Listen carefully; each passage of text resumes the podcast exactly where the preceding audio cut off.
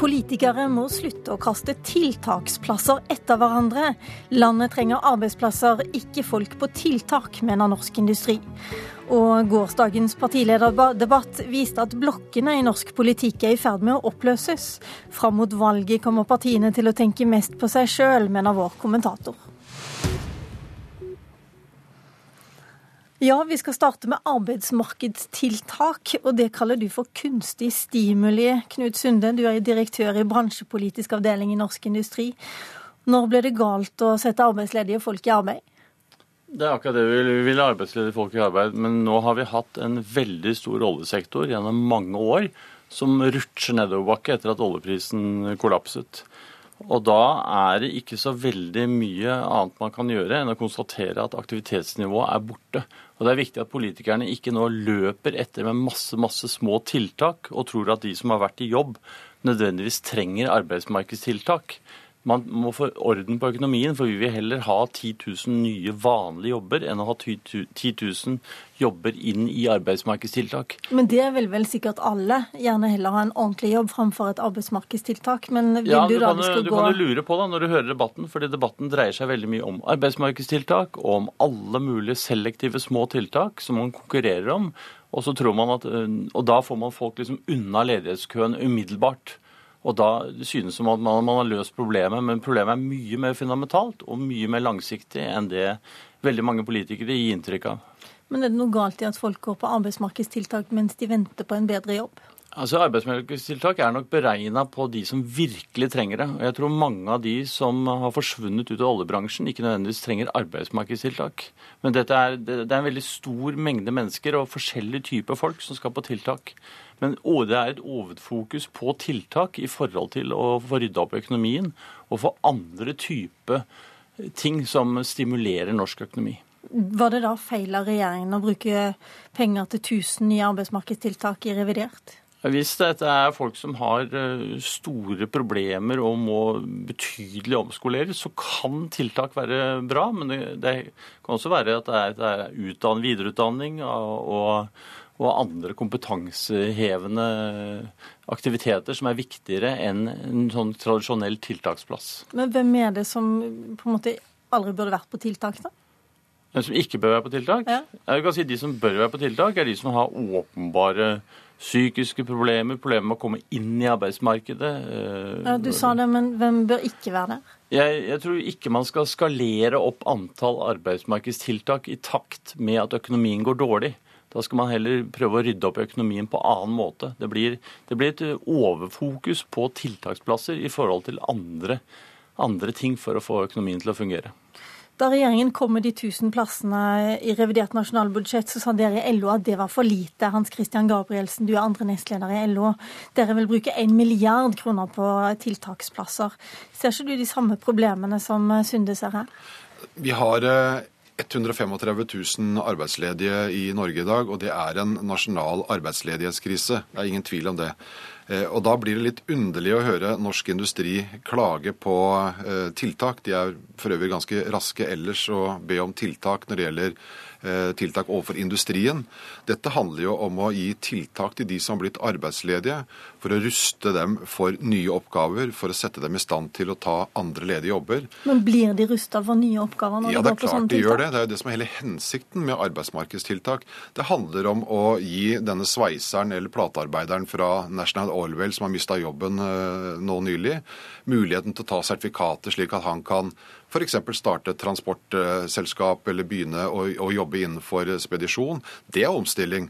Eller å uh, formalisere kompetansen til henne som har jobba som ingeniør, men som ikke har en formell utdannelse som ingeniør på en plattform. Og sørge for at hun får den ingeniørkompetansen sin. Det er uh, innovasjon, og det er, det er, omstilling. Og det er dette vi snakker om. Mens regjeringen snakker om omstilling, så leverer den ledighet. Ja, eh, Knut Sunde, altså Nå får jo også regjeringen løst, eller, og kommunene løst noen oppgaver de ikke hadde fått løst ellers, fordi folk på tiltak blir satt i, satt i arbeid. Ja, Da snakker man veldig forbi hverandre. fordi Arbeidsmarkedstiltak og diverse tiltak er helt forskjellige ting. Når man har gryteklare prosjekter eh, på Vestlandet og kan pusse opp noen kirker og, og, og framskynde Rogfast og, og, den type gode infrastrukturløsninger, så er det klart det er fornuftig. Da stimulerer du bygg- og anleggsnæringen, og det er helt greit. Men du kan ikke gjøre det i det uendelige, for de fleste prosjektene er ikke klare. Da blir det bare armer og bein. Vi er opptatt i norsk industri av å stimulere aktivitet som har nedslagsfelt på Vestlandet, der hvor ledigheten stiger raskest. Og der er andre, der er det andre tiltak, som, eh, mer næringspolitiske tiltak, som kan få fart på det. F.eks. så har Tord Lien han prøver å mase på at oljeselskapene skal bygge ut tidskritiske prosjekter, altså de oljefeltene som ellers forsvinner. Det er, type, det er ikke noe øremerking eller noe tiltak i det, men det er klart at effekten av det gir aktivitet i leverandørindustrien på Vestlandet. Og Det er sånn, den type tenking som vi er mer opptatt av. Av å gjøre ting som gir sunn økonomisk, kommersiell aktivitet på Vestlandet, framfor å, å stimulere og bruke penger på noe sånn øremerkede hele tiden. Jeg skjønner at du er skeptisk generelt, men kan du gi ett eksempel på et arbeidsmarkedstiltak som er bortkasta? Altså arbeidsmarkedstiltak, det, det Hans Christian Gabrielsen snakker om nå, det er jo til dels kompetansegivende aktiviteter som ikke nødvendigvis heter arbeidsmarkedstiltak. Men nå, nå, har det vært mye snakk om eh, at man skal også bruke det inn mot ingeniører for å omstille dem. De fleste ingeniører de finner seg jobb eller kan bruke seg faglig på andre jobber. Jeg har mye mer sympati for en sveiser som jobber veldig bra og spisset og smalt i en jobb, men når den jobben er borte, så kan han ikke bruke sveisekompetansen andre steder. Han må omstilles. Enten du da kaller det arbeidsmarkedstiltak eller du kaller det kompetanseheving og omstilling. Altså det, det, trenger ikke å være et arbeidsmarkedstiltak av den grunn. Men en del av de folka må omstilles inn i andre bransjer. Det er en viktig del av pakka. Gabrielsen. Ja, og Det er nettopp dette som er arbeidsmarkedstiltak. For hør, Dette her er jo et todelt problem. Eh, som jeg ikke mener at regjeringen leverer godt nok på noen av. Det ene er på kort sikt å sørge for å koble de ledige hendene nå som er til stede, 135 000 ledige, koble ledige hender mot uløste oppgaver. Og Da er en del sånne eh, tiltak som, Sunde nevner nå, eh, opp mot Sør-Vestlandet, eh, riktig og viktig å gjøre. Men på lang sikt på lang sikt så må vi også ruste oss for, eh, på kompetansesiden, nettopp for å være konkurransedyktige, produktive for framtida. Og dette handler også om konkurranseevnen til norsk industri. Og det er her de store pengene virkelig må gå inn. Et kort spørsmål til slutt.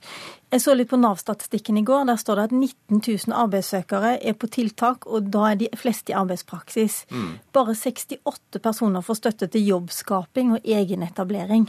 Hva ja. tenker du om det? Det betyr, altså Hvis du ser på de 19 000, så er det 80% av de som går på arbeidsmarkedstiltak her, som er arbeidsmarkedsrettede tiltak. Det at det er 68 personer på ett type tiltak, betyr jo ikke at alle de andre tiltakene er meningsløse. Dette handler om å omskolere folk, det handler om å dyktiggjøre folk, og det handler om å ruste oss for framtida, slik at vi også kan ta vare på velferden osv.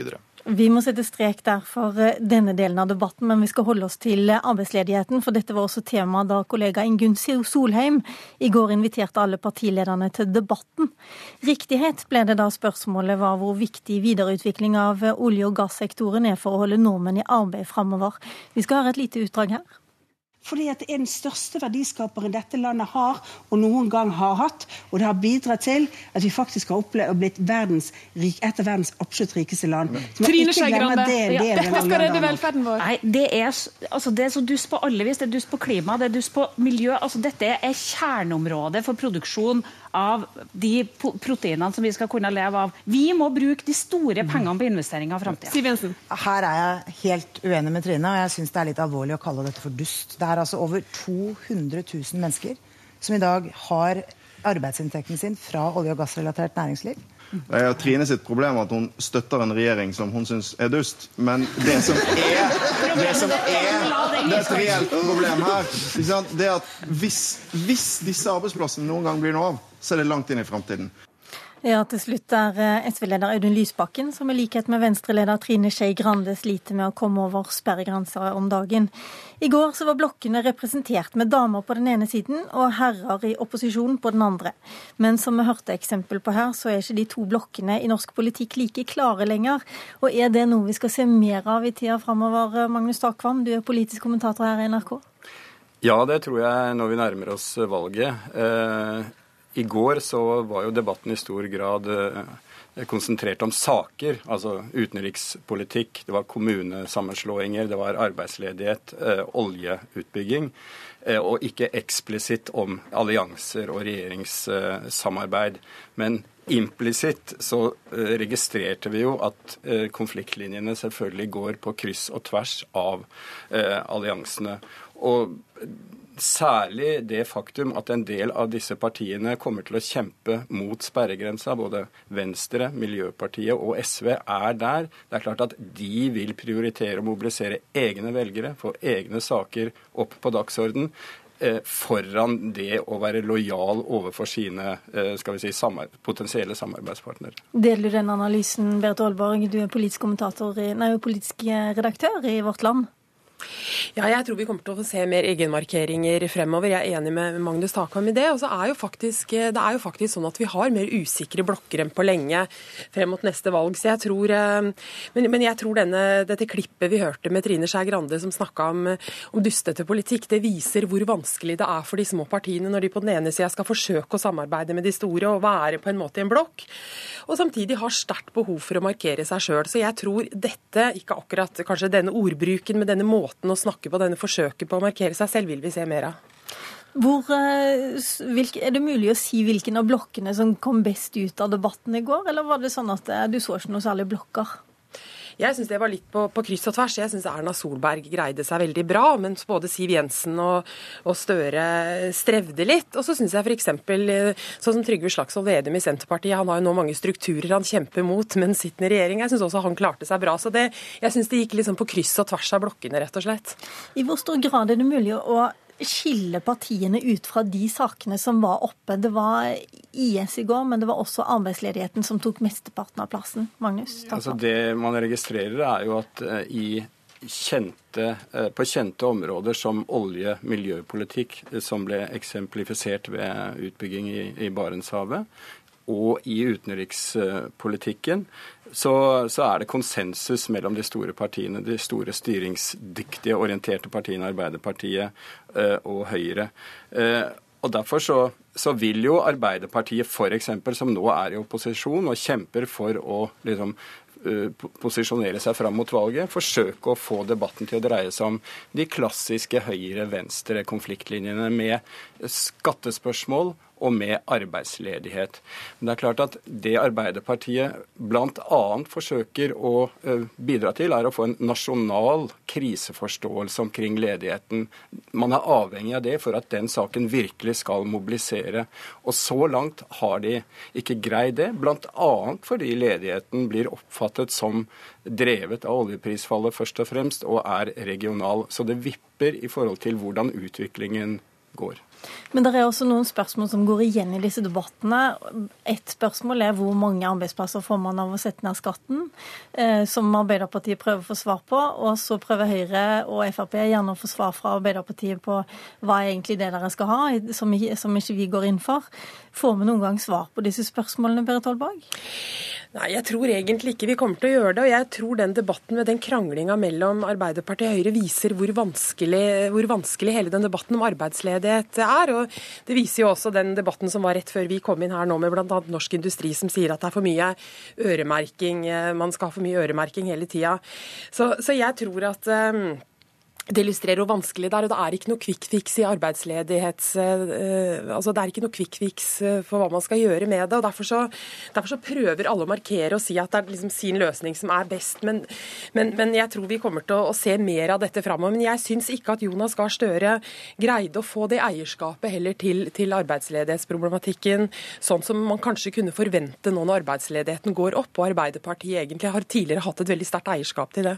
Det er klart at et tema som arbeidsløshet er veldig vanskelig å måle når det gjelder å si til velgerne hvem som er best. Det er i stor grad et spørsmål om tillit. Så det er klart, eh, det Arbeiderpartiet da forståelig nok prøver å gjøre, er å bryte ned den tilliten til regjeringens mm, skal vi si, kampanje mot arbeidsledigheten. Så vi må jo forstå det eh, på den måten.